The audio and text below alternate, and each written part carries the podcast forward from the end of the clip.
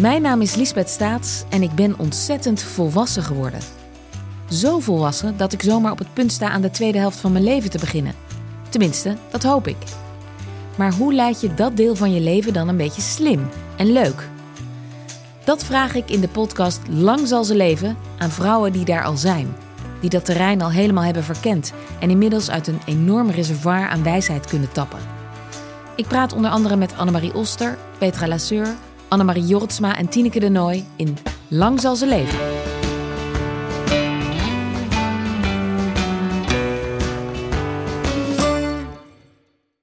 In Help, ik heb een puber, de podcast, ga ik Klun samen met columniste, schrijver en pubermoeder Ivanka van der Zwaan in gesprek over puberproblemen. Slaap, alcohol, sociale media, seks. Elke aflevering zit een expert bij ons aan tafel die ons bijpraat over een nieuw thema. Help, ik heb een puber, de podcast. Nu te beluisteren in je favoriete podcast-app. Kortie Media. Je luistert naar Lust. Mijn naam is Jacqueline van Lieshout, 48 jaar en na een relatie van 14 jaar sinds een tijd weer vrijgezel. In deze nieuwe fase van mijn leven ben ik actief op het datingpad en verrassend genoeg met een grote voorkeur voor jongere mannen. Dat is natuurlijk heel spannend, leuk en lekker. Maar bij alle dateplezier loop ik onbedoeld ook tegen allerlei vragen aan over vrouwelijke seksualiteit en relatievormen.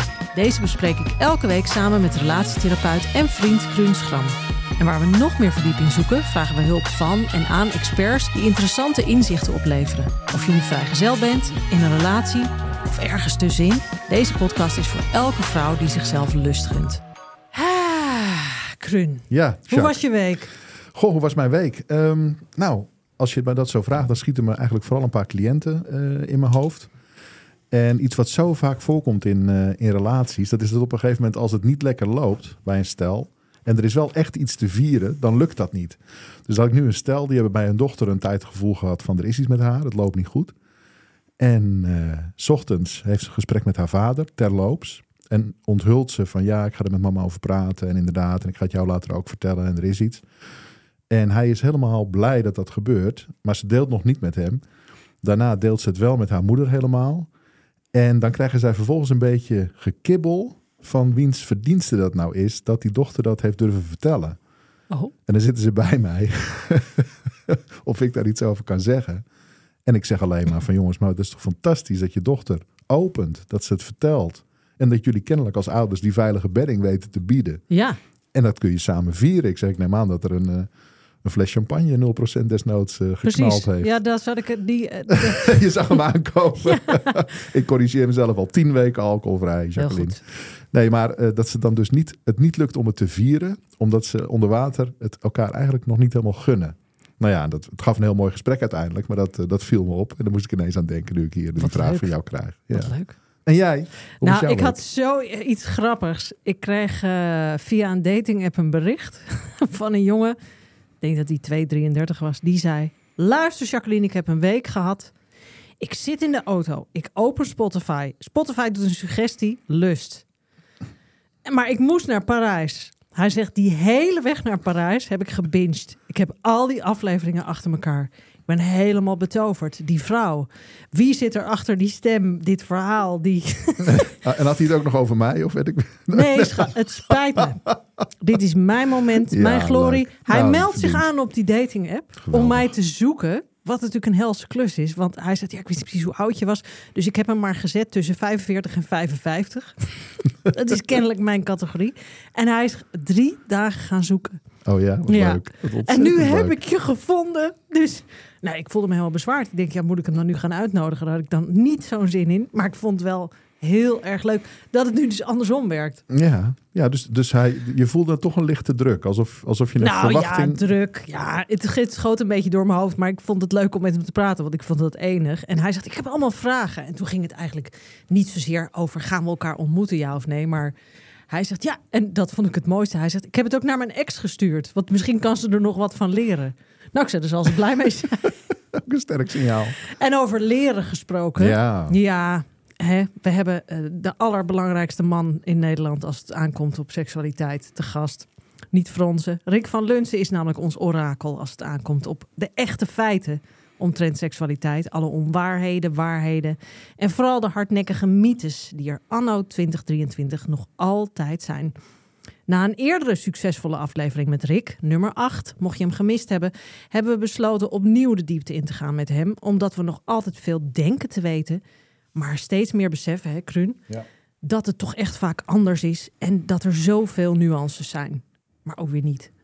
Welkom Rick, fijn dat je er bent. Leuk om terug te zijn. Ja, we zijn heel blij. Ja. We hebben al eh, een uur voor gesprek gehad over wat we allemaal willen bespreken. Ik heb zelfs een lijstje, ook een Kruun heeft ook wat wensen. Ja. Ehm, als ik mag beginnen, het, wat ik het meeste hoor, Rick, waar ik ook kom, eh, ook met sommige gasten die we gehad hebben, is dat er zo vaak wordt gezegd: ik eh, hou van baarmoederhalsorgasmes, ik hou van eh, Vaginale orgasmes. liporgasmes, zijwandorgasmes. Ik heb geen enkel idee waar het allemaal vandaan moet komen. En die vrouwen zijn volstrekt overtuigd. Dan zeggen ze: nee, Jacqueline, het is echt niet waar. Het zit anders. Het zijn andere zenuwen. Er is niet alleen maar een clitoraal orgasme. Dus ik vind dat zo belangrijk. Wil jij in het kort, maar toch wel heel feitelijk en duidelijk aan Nederland en België en de rest van de wereld duidelijk maken hoe het zit? Kijk, een, een orgasme is een beleving. En het is gelijktijdig een lichamelijke beleving en iets wat er in je hoofd gebeurt. Eh, en een orgasme kan opgewekt worden door van alles. Mhm. Eh, door een gevoel, door een gedachte, door een fantasie en door een lichamelijke prikkeling. Mhm.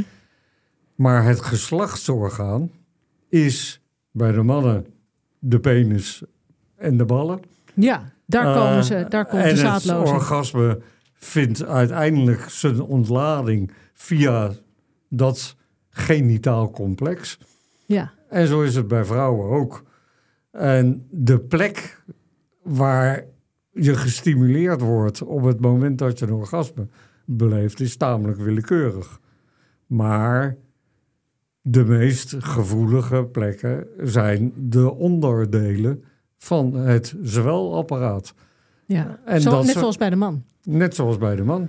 Eh, en dat clitoraal complex is heel uitgebreid. Dat is niet alleen het orgaan de clitoris, maar dat is ook de gezwollen wand van de vagina, de gezwollen wand van de plasbuis, de licht opgezwollen binnenste lippen, labia. Ja, Eh, ook wel eens een beetje de buitenste lippen.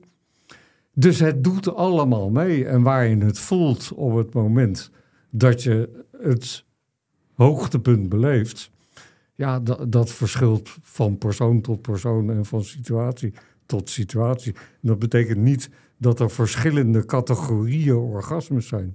Een orgasme is een orgasme. En puur fysiologisch is het het decompenseren van het zwelorgaan gelijktijdig met een groot aantal contracties van alle spieren tussen navel en knieën. Zeg ja maar. want zo voelt het ook. Ja. Maar het is dus van oorsprong uit de clitoris. Ja. Ja, Dus wat je zegt is dat, stel dat je bijvoorbeeld ook via je tepels een orgasme kan bereiken, dan zul je uiteindelijk meten dat er in de zenuwbanen tussen de clitoris en de hersenen Van alles gebeurt. van alles gebeurt. Ja. En, en dat dan het aanraken op de tepels is en op een of andere manier. en dan is het niet meteen een tepelorgasme. Dan is het Nee. niet meteen een tepel, het is weer een clitoris, een Nee. clitoraal orgasme. Ja, Alleen, Er zijn ook mensen die een hands-off orgasme kunnen beleven. leg eens uit, een hands-off. Eh, zonder enige aanraking aan welk lichaamsdeel dan ook. Een natte droom. Bijvoorbeeld. Nou, dan, En het grappige van een natte droom. mees- meestal denken de mensen dat een natte droom de uitkomst is van een seksuele fantasie. Dat is het in tweede instantie wel.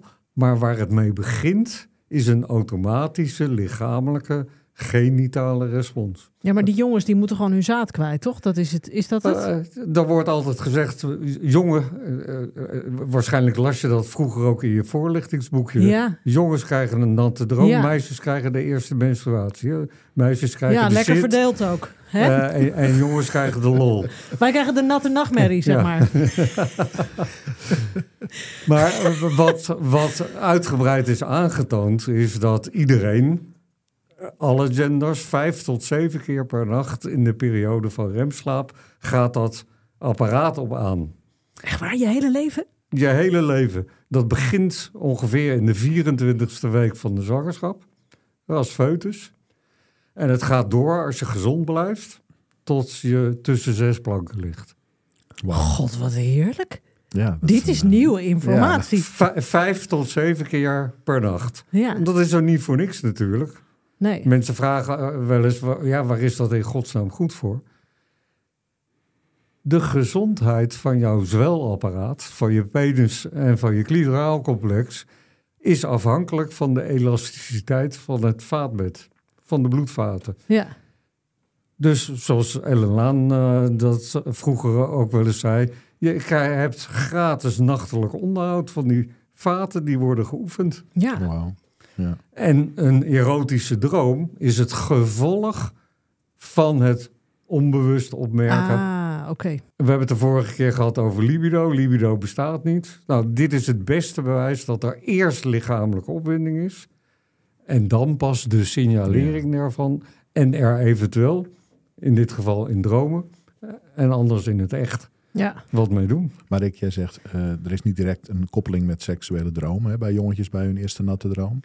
Maar mag je wel veronderstellen dat ze meestal op hun buik slapen? Dat er toch iets van druk of zo op, op de penis Nou, is? dat is, dat is leuk dat je dat vraagt. Soms is het gewoon een erotische droom. Mhm.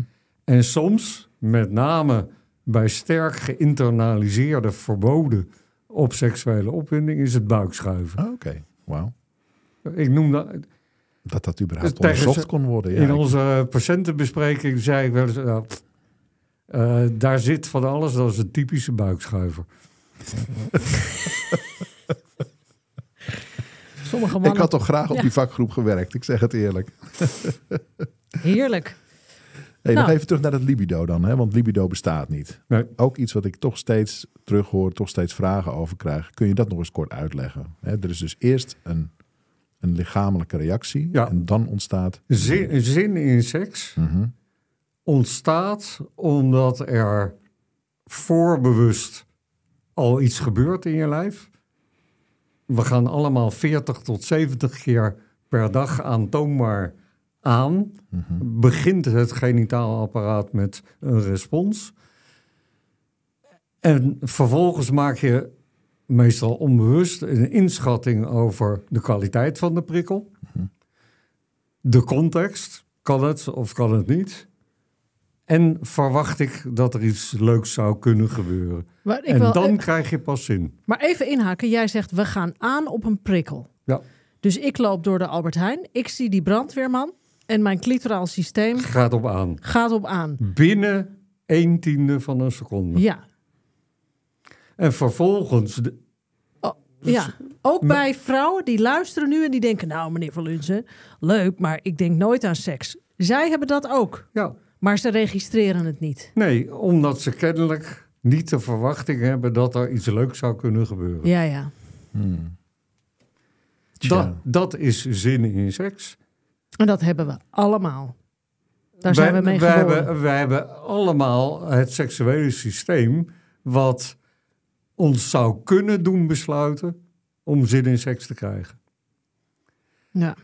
Eh, wat ik altijd een fantastisch voorbeeld vind. Eh, er zijn mensen die zich aseksueel noemen. ja. Nou, prima. Die zijn niet geïnteresseerd in seks, om wat voor reden dan ook.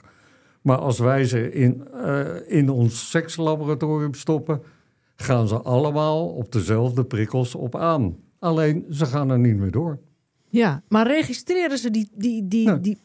Nee, dat, dat, dat merken ze niet eens. Ze merken het niet eens. Nee. Vrou- eh, vrouwen, voor vrouwen is dat nog lastiger dan voor mannen. Want hoe weet je zeker dat jouw systeem op aan Ja, staat? je ziet geen erectie. Ja. Nee, dus je moet er al op gefocust zijn. eh, en je, moet je lijf al kennen. Maar bij mannen gebeurt er nog iets opvallends. Mannen letten zo op hun penis...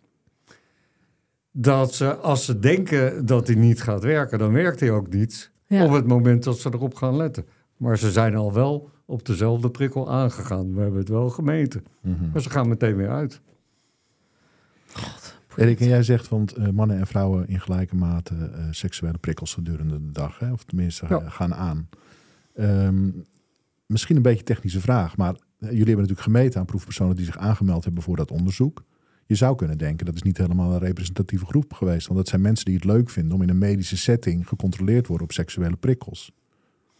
En weten jullie zeker dat het niet een hele groep vrouwen was die een zekere fetish hadden met eh, mannen in witte jassen en eh, Oh my god. Nee, we- Ja. we- Nou ja, goed, dat was gewoon een vraag. Ik ben ook maar een farmaceut van huis uit. Ik Da- daar hebben we natuurlijk op geselecteerd. Ja. Eh, en we hebben ook groepen patiënten gemeten.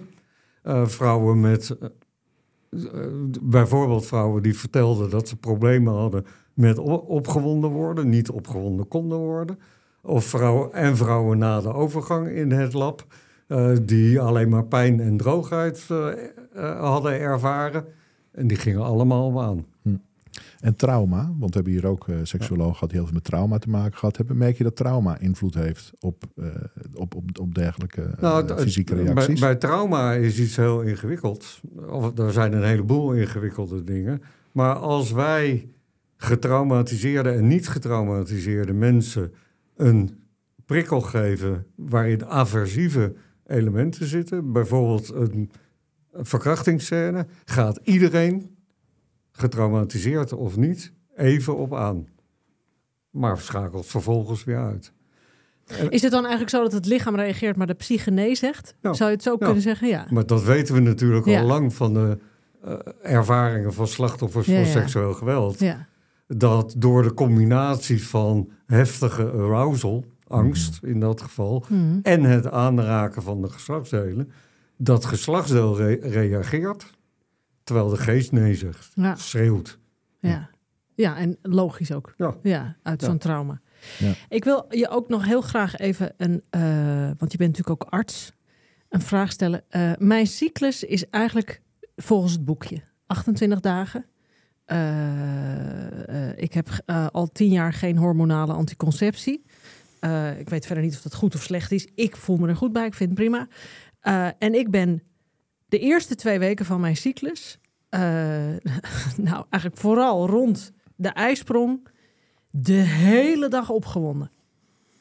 De hele dag aan. Er is, komt geen eind aan. Het is als een tienerjongen van 15. Ja, eerlijk. Ik ben keurig 28 dagen. Ehm, eh, eh, wat wil ik daar eigenlijk over vragen? Ja, het is dus zo dat, ik bedoel, dat is gewoon biologisch bepaald, dat je rond je ijsprong, dat je lichaam schreeuwt, bevrucht mij. Dat is het in feite. Ja, de, de, de biologie heeft het niet voor niks verzonnen. Nee. dat rond de ijsprong het enige hormoon wat echt invloed heeft op seks, eh, op zijn hoogst is. Testosteron. Testosteron, Ja. ja. Het zogenaamde mannelijke hormoon. Ja, nee, wat wij ook hebben, Ja, begrijp ik. Ja, Ja. En een week voordat ik ga menstrueren, wil ik onder een deken duiken. Ja. Er is Nou nog wel een beetje zin, maar er is wel een soort depressie. Jij bent dus kennelijk iemand die heel erg gevoelig is. Ja. En daar verschillen vrouwen ontzettend in. Ja. Voor die schommelingen. Ja, de- bij jou spelen de ups en de downs heel sterk. ja ik heb wel. PMS-verschijnselen een week voor je gaat menstrueren. Dat ik echt denk, nou, eh, ik gooi iedereen het raam uit. Ja, In dit kader, Rick. We- we- we- weet je wat ik durf te wedden? nou, Dat jouw wijsvinger ja. korter is dan je ringvinger.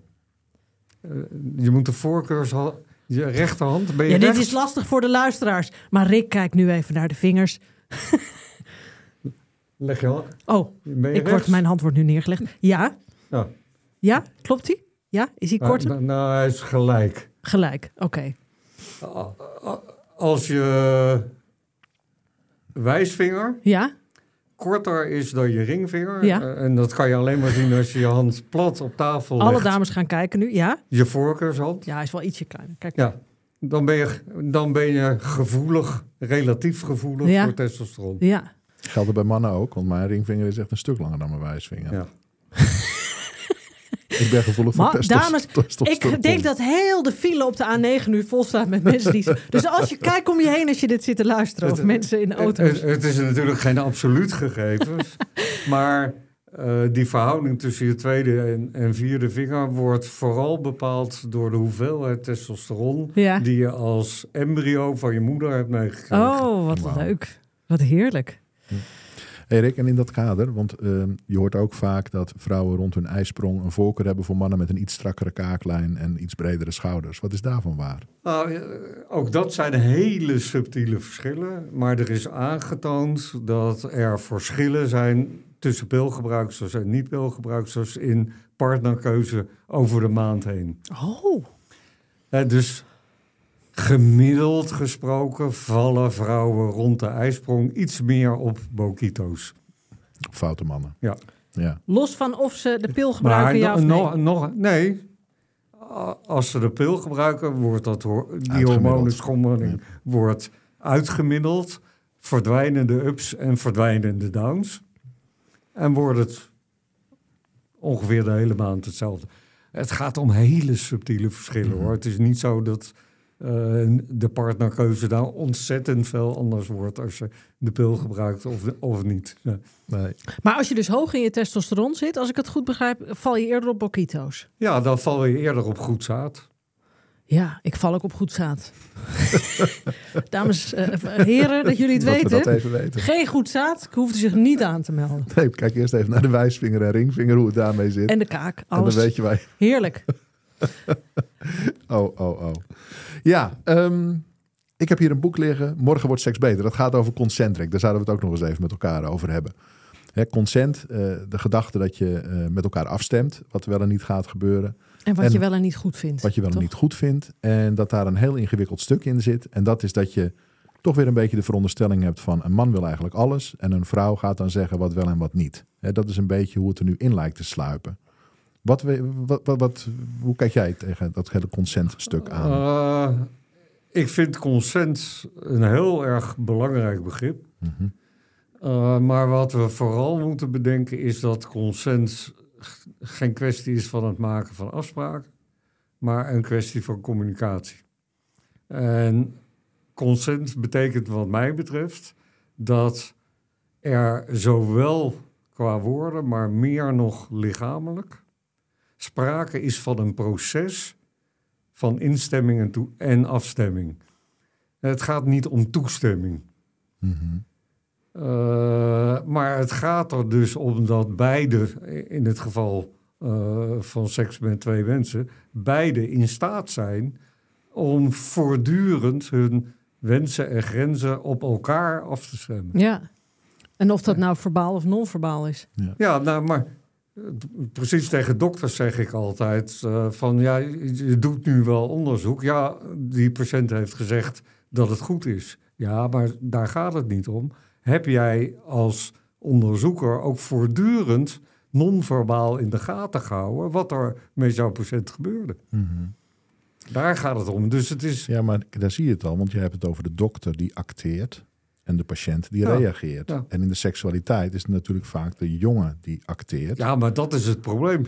Ja, want, hoe, hoe, want dat is natuurlijk het hele punt. Hoe Tegen... maken we het veilig en hoe zorgen we ervoor ja. dat het niet zo is dat de een aandringt en de ander afhoudt? Dat nee. dat het script wordt. Uh, door geen van beiden de dominante partij te laten zijn. Mm -hmm. uh, en tegen heel veel mannen zeg ik dan ook van, weet je wat jij moet leren? Op je rug liggen. En het laten gebeuren. Dat ja. niet domineren. Ja. Maar is het niet zo dat we dus... Maar dit is natuurlijk een hele grote maatschappelijke discussie. We leven in een wereld ja. waarbij nog altijd wordt aangenomen... de man wil, wat nou, jij ook al zei, uh, alles en altijd. Het gaat dus, en daar, daar ging ons laatste boek vooral over... over gendergelijkheid. Ja. E echte gelijkwaardigheid tussen ja. twee mensen in ja, de seks. Ja, want, want, kijk, als jij zegt van ja, als man uh, ga op je rug liggen, dan zeg je eigenlijk, um, want dan komt het uitreiken of de actie komt vanuit de vrouw. Of kan dan vanuit maar dat, de vrouw komen. Ja, maar geef, dat, geef haar de kans om dat te doen. En stap zelf ook eens een beetje af van die prestatiemoraal. Ja, ja, ja, en wat ontzettend spannend wordt natuurlijk. Want ja. een vrouw die denkt dan van, goh, wat moet gewend. ik nou? Wat moet ik nou? Want ja. ik ben gewend ja. dat de actie van de andere kant komt. Maar, maar er is, is nog en iets nu, belangrijkers. Niet alleen wat moet ik nu, maar wat mag ik nu? Of wat wil ik nu? Precies. En uiteindelijk gaat het alleen maar om, ja, ik wil. Ja. ja. En niet om, ja, ik vind het goed. En hoe leren we in godsnaam aan onze kinderen ja. om in het stoeiproces van die eerste klungelige zoen- en vrijpartijtjes, ja. om dat goed te communiceren, Ja. die consent op orde te krijgen. Nou dat ja, zou ik eh, zo gunnen. Eh, do- door van kinds af aan altijd één adagium hoog te houden. En dat is de boodschap, mijn lijf is van mij. Mhm. En dat is heel simpel. En dat begint al bij het verplicht zoenen geven aan opa of oma. Ja, Ja. ja, ja, ja, ja. En ooms. En dat is vooral ook meisjes. Ja, Ik weet dat ook als kind dat wij in Frankrijk liepen en ik had heel wit blond haar. En mijn vader zegt: Ach, die man wil even aan je haar zitten. Zo'n vies, eng Frans show de boel mannetje. ja. En dat moest ik dan maar inderdaad toelaten. Ja. Eh, mijn jongste dochter eh, was toen ze klein was hoogblond. Nou, moet je weten, wat gebeurde er dus in Istanbul? ja, hetzelfde. Iedereen wilde daar zitten. Ja, Ja. ja. Nou, en als je kinderen niet leert van... Als het niet goed voelt, zeg je gewoon ja, nee. ja, Zo de biet erop. ja. Maar dat is natuurlijk een boodschap die je als ouders nog heel veilig geeft aan kinderen, ook als ze 5, 6, 7, 8, Ja. 9 zijn. Ja, maar seksualiteit komt in beeld natuurlijk wanneer ze beginnen te puberen en de En dan ma- hormonen. En dan is het awkward. Nou, maar en dan- eerder natuurlijk en dan wordt papa ongerust en dan gaat hij waarschuwingen geven. ja, Ja, ja. dat is ook weer zo'n boodschap. Ja, nou ja, goed. En, en hoe kun je dan met je kinderen in gesprek over het feit van dat die eerste klungelige vrijpartijtjes, dat dat gaat over communicatie? Eh, eh, dat gesprek, dat gaat niet plaatsvinden. Nee. Nee, want als het goed is, heb je de boodschappen voor de puberteit gegeven. En daarna zoeken ze het verder helemaal zelf uit. Heb je die boodschap al als klein kind gegeven? Jouw lijf is van Ja, jou. ja, ja. En jij mag van je lijf genieten. En jij Dan- mag eraan zitten. En En, jij bepaalt. Ja. Maar wat ik daar zo ellendig vind, Rick, hoe, hoe, waarom zijn jullie er niet in geslaagd om de hele seksualiteit uit het biologieboek overgeheveld te krijgen naar maatschappijleer of, of drama of op een andere plek in het. Want ouders hebben dan geen rol meer. Maar Nee. het biologieboek moet je het niet aan overlaten. Nee. Want dat gaat over piffen, dat gaat Ja. over, nou over ja, dat, voortplanting. dat gaat over voortplanting en over allerlei technische dingen. Ja. Eh, nee, dat is ons nooit gelukt, maar het begint een klein beetje te lukken. Ja? Eh, Wat zie jij gebeuren? Nou, je ziet dat op scholen er langzaam maar zeker toch mensen anders over seksuele vorming en relationele vorming beginnen te denken. Eh, en je ziet ook dat eh, voorlichtingsorganisaties als Rutgers langzaam maar zeker echt opgeschoven zijn van rampenbestrijding naar wat kunnen we doen om ervoor te zorgen dat onze kinderen autonome, zelfstandig beslissende wezens worden die hun weg wel gaan vinden in dit onge- ongelooflijk ingewikkelde proces. Mhm. Uh, en waar ik ontzettend blij mee was, dat uh, een van de belangrijkste mensen bij Rutgers, Marianne Sense, uh, een tijdje geleden ook ergens zei van, jongens, laten we nou zorgen dat wij het goed doen. En vervolgens het vertrouwen hebben dat die kinderen het wel goed gaan doen, met vallen en opstaan, met experimenteren, met foutjes maken. Maar uiteindelijk, als jij ze de goede tools hebt meegegeven, komt alles op zijn pootjes terecht. Ja. Laat ze. In plaats van dat gezeik over die jeugd van tegenwoordig. Mhm. ja, maar leer ze dus gewoon zelfbeschikking, zelfrespect. En zorg voor gendergelijkheid in de en dan ben je maatschappij. Zorg voor een warm en veilig nest. Ja. En een sekspositieve omgeving. Ja. Met goede voorbeelden. Ja. Nou, dan komt het allemaal wel goed. Ja. Mm. Ah, laat ze. Ja, nou ja, goed, ik denk dat toch bij mezelf. En dan moeten jongetjes nog steeds heel veel afleren op een Ja. zeker moment. Want dat gehaaste, pikgerichte, Ja, ja. orgasmegerichte maar dat, dat, straaljagerbeleid. dat Na, moet eruit. naarmate er meer mannen zijn die die boodschap gaan snappen, gaat dat wel gebeuren. Ik ben een, Jij bent hals, zo lekker optimistisch ik ben een halstarrige optimist. Gelukkig maar. Dat is fijn. Ja. Ja. Als wij zorgen voor de ingrediënten en daar mankeert nog een hoop aan, dan komt het wel goed. Ja, ja. ja, want dat is het andere stuk. Eh, als de seks slecht is of niet goed is eh, of pijn doet, dat je dat kan onderbreken. Eh, dat je dat verdraagt met elkaar. Want dat is vaak voor mannen lastig. Hè? Dat voelen ze toch als tekortschieten of incompetent zijn. En dat je ook gewoon met elkaar in alle rust kan concluderen... nou, dit was niet zo'n hele beste vrijpartij. Hier hebben we samen niet mega van genoten. Nee, Dat zou ik al zo'n winst vinden. Als we dat soort als taal daar, daarover gecommuniceerd kan worden, de volgende keer moet het kennelijk anders. Maar het grote probleem is dat er niet gecommuniceerd wordt. Want zij communiceert haar pijn ook niet. Nee. Nee. De meeste, meer dan de helft van de vrouwen zegt het gewoon niet als het pijn doet. Nee. Nee, dat vind ik het onvoorstelbaar. Er zijn nu een heleboel vrouwen die luisteren, die weten, die knikken nu en die zeggen, denken: Ja, Rick, ik heb ook pijn. Ja. Jacques, even iets heel anders. Ben je ook zo blij met je air-up fles? Nee, dat vind ik dus echt fantastisch. Hè? Want ik heb dus altijd water naast het bed. Hè? Dat Ja. snap je. Ja, waar niet? Altijd heel veel water. Maar wat ik het lekker vind, soms wil je wel eens wat anders dan water. Maar ik word helemaal gek van die flessen die of alles ondersproeien. Hè? Ik Ja. zo vermoeiend, dat Ja. ondersproeien.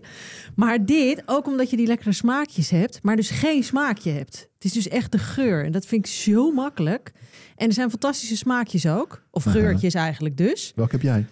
Ik heb de Up. Ik heb eh, deze nu een citroen. Ik heb een roze fles, ben ik heel blij mee. Maar ik vind de Wild Berry heel lekker. Eh, de Strawberry Lemongrass. Wat heb jij? Nou, ik ben net zoals jij van de citrus. Ik heb de yuzu met rozemarijn. Dat is echt een, echt een, echt een mooie geur die ik, eh, die Leuk ik hier hè? heb. En Ja. lekker niet meer van die onzinflesjes kopen. Daar word ik ook zo moe van. Nee, want schijn lang mee, hè? Die- Ja. ja. Ik vind het een mooi ding. Ik vind het echt een fantastisch ding. Dus ik kan het alle luisteraars ook aanraden, zo'n Up fles. Het is echt heel fijn. En die smaakje is echt super leuk. Ja, ik ga de komende week die sherry proberen. Het lijkt me ook wel lekker Oh, lekker. Ja. De mensen die luisteren, die willen er ook heen. Waar Dat moeten ze heen? Je kan hem gewoon vinden op internet online bestellen op r-up.com. En dan kun je ook alle smaakjes vinden. Heerlijk. Wat ik jou ook nog wil vragen uit, even vanuit vrouwelijk oogpunt... is dat er een heleboel vrouwen die luisteren... en eh, die zeggen, ja, ik vind het allemaal leuk... en ik hoor die Jacqueline en die haalt allemaal gekkigheid uit en bla bla bla. Maar ik denk nooit aan seks. Ik ervaar seks niet. Ik moet er eigenlijk niet aan denken. Ik vind mijn lijf moeilijk. Ik vind alles ingewikkeld. Mijn man, ik weet het niet. Ik wil het niet buiten de deur. Ja, vorige keer zei jij in de uitzending dat jij dan altijd als je zo'n stel voor je neus hebt, dat je dan vraagt: wat wil jij eigenlijk? Maar wat als zo'n vrouw zegt: Rick, ik heb geen enkel idee. Waar moet ze dan beginnen? En nergens. Nergens. Nee, seks is ook geen verplichting. Nee, maar oh, oké. Maar als zij zegt: ik wil, ik heb het ooit heel leuk gevonden, ik wil het graag terugvinden. Oké, wat waren dan de ingrediënten? Dan ga je die- daarnaar terug. Die het leuk maakten. Ja, wat vond je toen leuk? Ja. Is er dan een hoop schaamte bij vrouwen? Dat ze het moeilijk vinden om te vertellen dat ze bijvoorbeeld van iets opgewonden raakten? Of... Eh, d- er zitten, en dat verschilt van persoon tot persoon, Ja. allerlei ingewikkeldheden waarom ze denken dat ze daar niet terug kunnen komen. Is er dan ook toch nog een hoop sletvrees bij vrouwen? Eh, ja, eh, en heel veel negatieve kijk op het eigen functioneren en het eigen lijf. Eh, en ik schiet tekort. Ik doe het niet goed. Ik zie er rare uit, ik heb rare schaamlippen, Ja, dat ja, soort eh, ja. Vulva-lippen, laat ik het even goed Ja. zeggen. Ja, ik, eh, ik heb het liever over labia. Labia vind ik ook een fijner woord, ja. ja, Ja. nou, waarom eh, noemen we het niet gewoon labia? Maar noemen we het dan beffen of likken of cunnilingus? Ja, wat je wil, als, Ja. als het maar duidelijk is. Ja, het is, er is eigenlijk niet echt een lekker woord voor. Nee. Eh, het is weer een zijpaadje. Maar goed, Orale seks. Orale seks, ja, oké. Ehm, nou ben ik helemaal afgeleid. Eh, nee, maar goed, ik, ik denk dat er heel veel vrouwen luisteren die zeggen: ik, ik ben dat echt kwijt en hoe kom ik daar terug? Maar dit is dus een Ja. hele goede tip. Ga eens graven. Wat vond ik ooit leuk? Ja, en, en tegen een stel die met dit verhaal komt, zij wil nooit en hij wil altijd. Ze, en die vertellen in het begin was het leuk. Nou, dan zeg ik, dan gaan we toch terug naar het begin. Ja, Ja. Nou, het, het- wat ik in mijn praktijk merk is dat het een heel groot verschil is of mensen nog wel af en toe vrijen of dat het helemaal gestopt is al meerdere jaren. Want om elkaar dan te hervinden en om weer te durven uitreiken als het al jarenlang niet geweest is, dat is ontzettend moeilijk. Ja, Terwijl als ze het, hè, bij wijze van spreken, één keer in de maand eh, met elkaar vrijen. Dat kan trouwens een prima frequentie zijn, maar stel dat het vijf keer per jaar is. En ze hebben allebei een verlangen om het meer te laten worden. hè, Dan is het heel interessant om te vragen, hoe was het vroeger leuk? En wat deden jullie dan? Nou ja, en, en, en hoe komt het dat die vijf keer het wel gebeurt en is het dan leuk? Ja, Eh, en dan is het heel simpel. Als het dan leuk is, dan zijn er kennelijk eh, eh, dan kun je zeggen dat context en stimulus op dat moment ideaal waren. Nou, wat houdt je tegen om datzelfde vaker te creëren? Ja. ja, als dat zo is, dan is dat zeker een ingang. Ja. Maar je hebt natuurlijk ook wel eens dat die vijf keer voor al is om te zeggen, je mag het niet buiten de deur zoeken, want wij doen het Maar dan, nog, maar dan hè? was het dus niet plezier. leuk, nee, en dan nee, moet je echt nee. helemaal terug naar het begin. Ja. Ja. En wat jij ook zo goed zei vorige keer, eh, is als je ouder wordt, eh, blijft ook nog steeds een euvel. Hè? Na overgang dingen eh, van hebben mensen geen zin meer. Het is ook zo'n hardnekkige mythe. Dan worden vrouwen niet meer nat, hebben ze geen zin meer, dat soort dingen.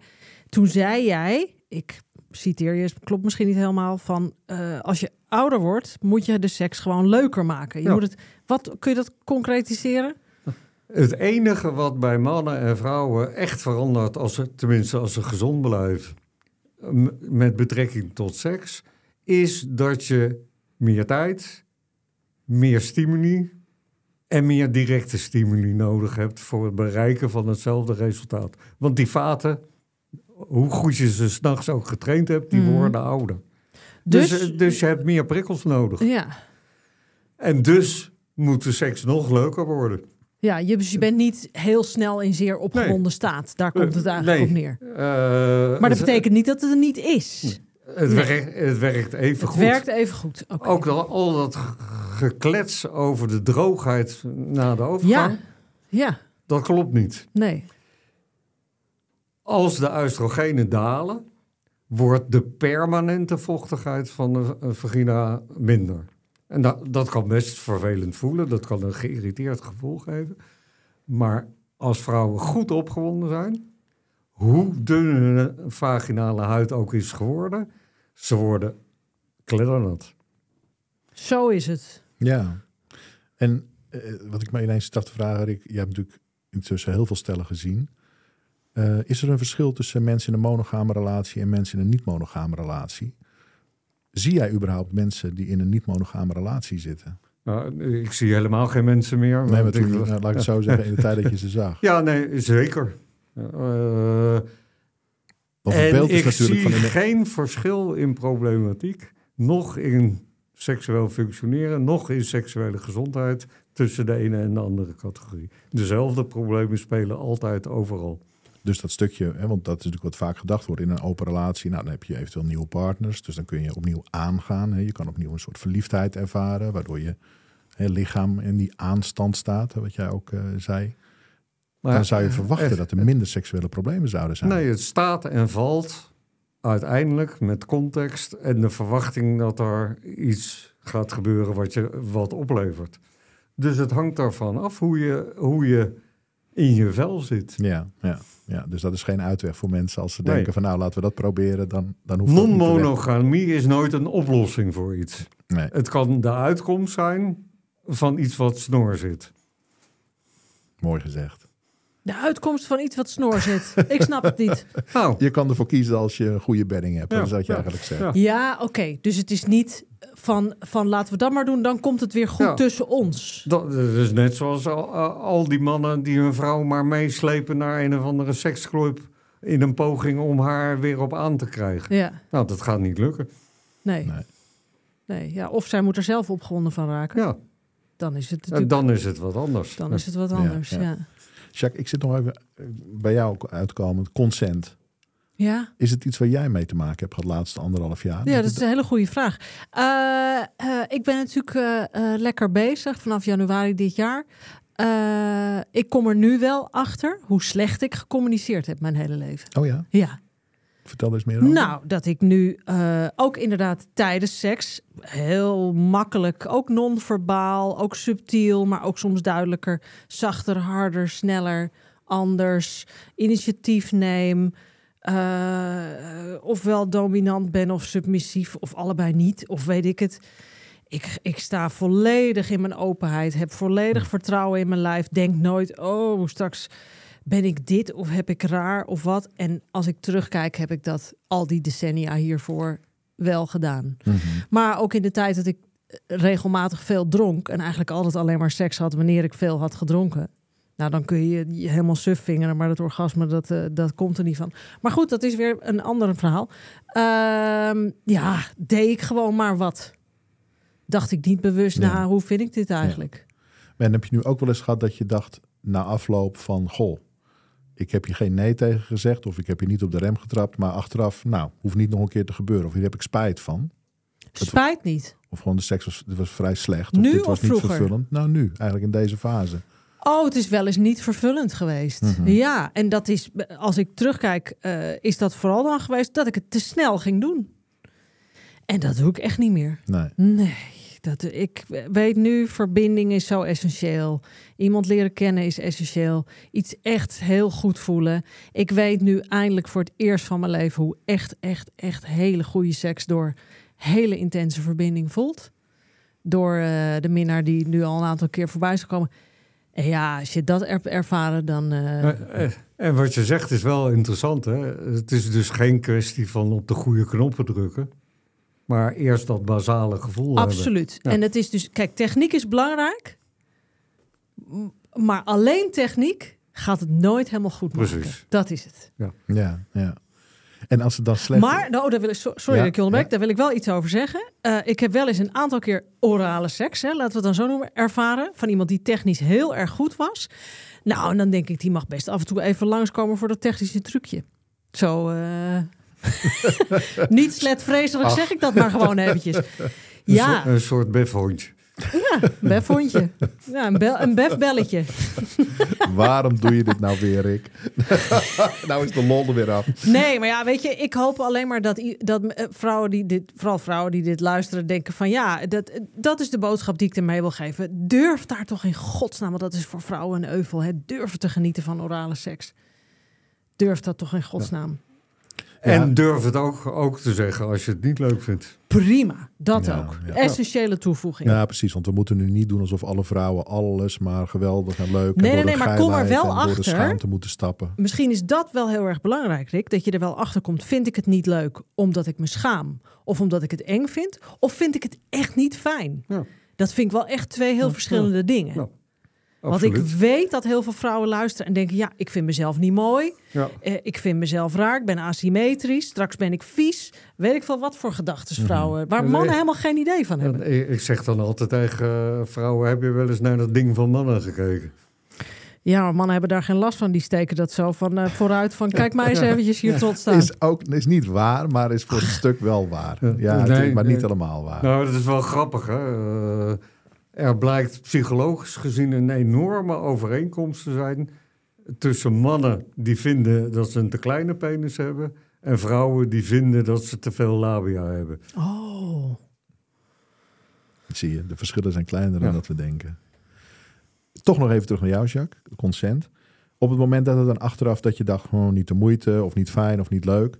Heb je daarover gecommuniceerd met die kerels? Want uiteindelijk eh, gaat het er ook om dat we mannen gaan opvoeden en opleiden en, en, en feedback gaan geven. Als ik met die man eh, meer dingen wil exploreren en eh, verder met hem wil, dat Hm. betekent niet meteen een relatie, maar whatever, dan zal ik daar zeker, daar heb ik dan ook over gecommuniceerd. En merkte je dat dat goed ontvangen kon worden? Altijd. Ja, ja, dus, Ja, want dat vind ik ook een boodschap aan vrouwen. Weet je wel, durf maar gewoon. Want het is echt niet zo dat iedere man dan in de stress vliegt. Nou, sterker nog, zijn heel blij.